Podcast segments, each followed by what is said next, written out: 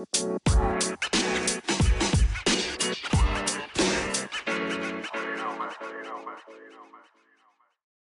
hey, super tof dat je luistert naar een nieuwe aflevering van de Positief met Pubers podcast. Mijn naam is Janneke en dagelijks beantwoord ik allerlei vragen via mail en DM van ouders die struggelen met dingen in de opvoeding van hun puber. Ik beantwoord deze vragen en in de podcast behandel ik elke aflevering een vraag met jou. Ik geef je mijn visie en ik neem je mee in mijn dagelijks leven. Mocht je dat nog niet gedaan hebben, abonneer je dan op deze podcast, zodat je geen aflevering meer mist. En als je deze podcast tof vindt, geef het dan zoveel mogelijk sterren of een positieve review. Hoe meer positieve reviews, hoe meer platforms als Spotify en Apple Podcasts deze podcast gaan aanbevelen aan andere ouders die deze podcast nog niet kennen. Daardoor kan ik groeien met deze podcast. Maar wat ik nog belangrijker vind, daardoor kan ik nog meer ouders bereiken die met soortgelijke struggles zitten als dat jij misschien zit.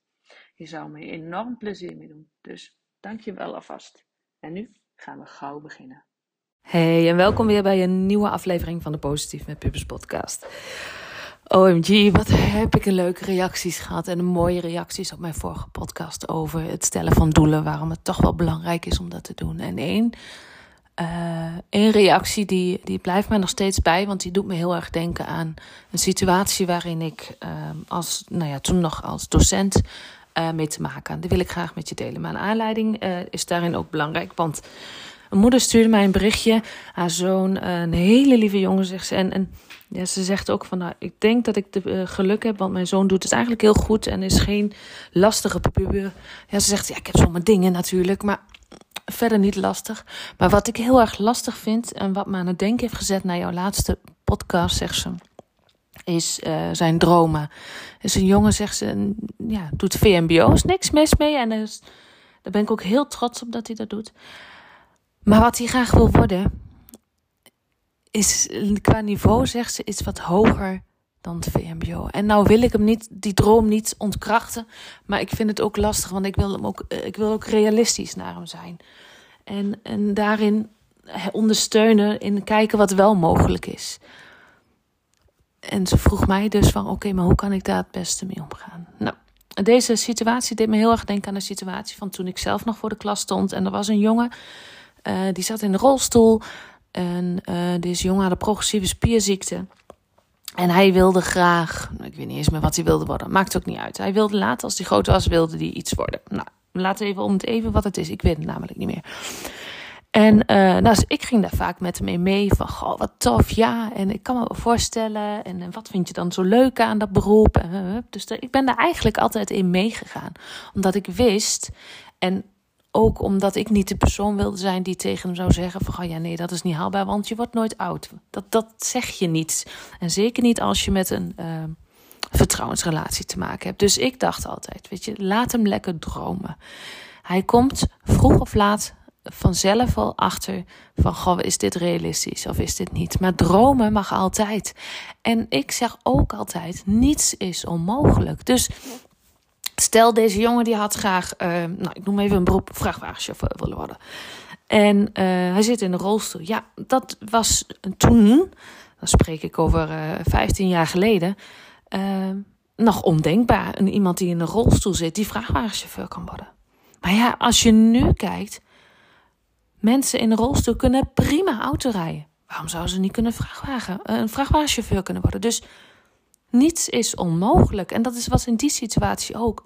Dus wat ik deze moeder heb meegegeven, is misschien ook een hele interessante voor jou om over na te denken. Is vertel je zoon dat wanneer hij ergens voor wil gaan, dat hij zijn beste voor wil, moet doen. En dat hij nu VMBO doet en heel graag ergens anders naartoe wil. Wie ben ik om daar wat van te vinden? En niets is onmogelijk. Tenzij hij zelf de keuze maakt om het niet te doen. En nu ik dit vertel, moet ik ook direct denken aan mijn eigen jeugd. Want ik had um, altijd de droom om uh, een juffrouw te worden. Nou, daar heb je HBO voor nodig. En ik was een meisje van de MAVO. En mijn leerkracht van groep 8, en dat heeft toen echt, echt, en degene die mij langer volgen en misschien al de eerste podcast hebben gehoord, weten dit. Maar die leraar zei: Ja, maar jij gaat nooit uh, de HAVO ga jij nooit redden. Dat niveau ga jij niet kunnen. Daar ben jij niet goed genoeg voor. En die trant, daar ben je niet goed genoeg, zei hij sowieso. En oh, echt, nou ja, met een meisje van 11, 12 jaar, dat doet dat wat. Want dat is een meester. Ik keek altijd op naar mijn meester. Dus dat heeft wat tegen mij gedaan. Maar aan de andere kant heeft het mij ook enorm gemotiveerd om te bewijzen, eigenlijk uit, vanuit bewijsdrang. Uh, om te laten zien, maar ik kan dit wel. Ik zal je laten zien dat ik dit kan. En, en ik zeg niet dat dat altijd goed is. Maar het heeft wel mij enorm gemotiveerd om na de MAVO, want ik heb MAVO gedaan, MBO te doen en daarna HBO. Nee, ik heb inderdaad nooit HAVO gedaan. En nee, dat was ook nooit mijn droom om HAVO te gaan doen. Want ik ben geen meisje van de boeken. Ik ben, nou, nu is dat anders, maar toen, laat mij maar stage lopen. Laat mij maar lekker werken met die kinderen en mijn ding doen en daar leren. En dan de theorie erbij pakken en denken: oh ja, maar die kind deed dat ook zo, dus dan is het zo. Op die manier leer ik gewoon veel beter en veel sneller en veel gemakkelijker. En kan ik dingen veel meer onthouden. En snapte ik ook waarom ik dingen moest leren. En, ik denk dat dat voor heel veel leerlingen geldt. Het waarom. Waarom wil jij graag uh, professor worden in weet ik veel wat. Of waarom wil je astronaut worden? Waarom wil je dokter worden? Waarom wil je advocaat worden? Waarom wil je elektricien worden? Waarom wil je kapster worden? Wanneer je dat helder krijgt, dan, dan, dan wordt het realiseren van dromen wordt het echt tastbaar. En ik zou zeggen, en, en dat heb ik ook naar deze moeder gezegd: ga lekker met hem meedromen. Ga lekker mee fantaseren hoe dat er dan uit gaat zien. En kijk, stippel een pad uit met je zoon uh, die voor jullie werkt, die voor hem mogelijk wel werkt. Dus kijk naar mogelijkheden en kijk niet in van jongen, dit is voor jou niet haalbaar. Die reality check, die komt vanzelf wel. En niets is onmogelijk. En mogelijk heeft hij straks wel zoiets van, ja, maar dit wil ik helemaal niet meer. Want hoe vaak wisselen we nog? En als hij dan ergens voor wil gaan, steun hem daarin. Geef hem die ruimte. En kijk wat mogelijk is dat vooral. En, en ik hoop echt dat, dat, dat dat duidelijk is en dat dat mag. Want ik geloof echt dat niets onmogelijk is.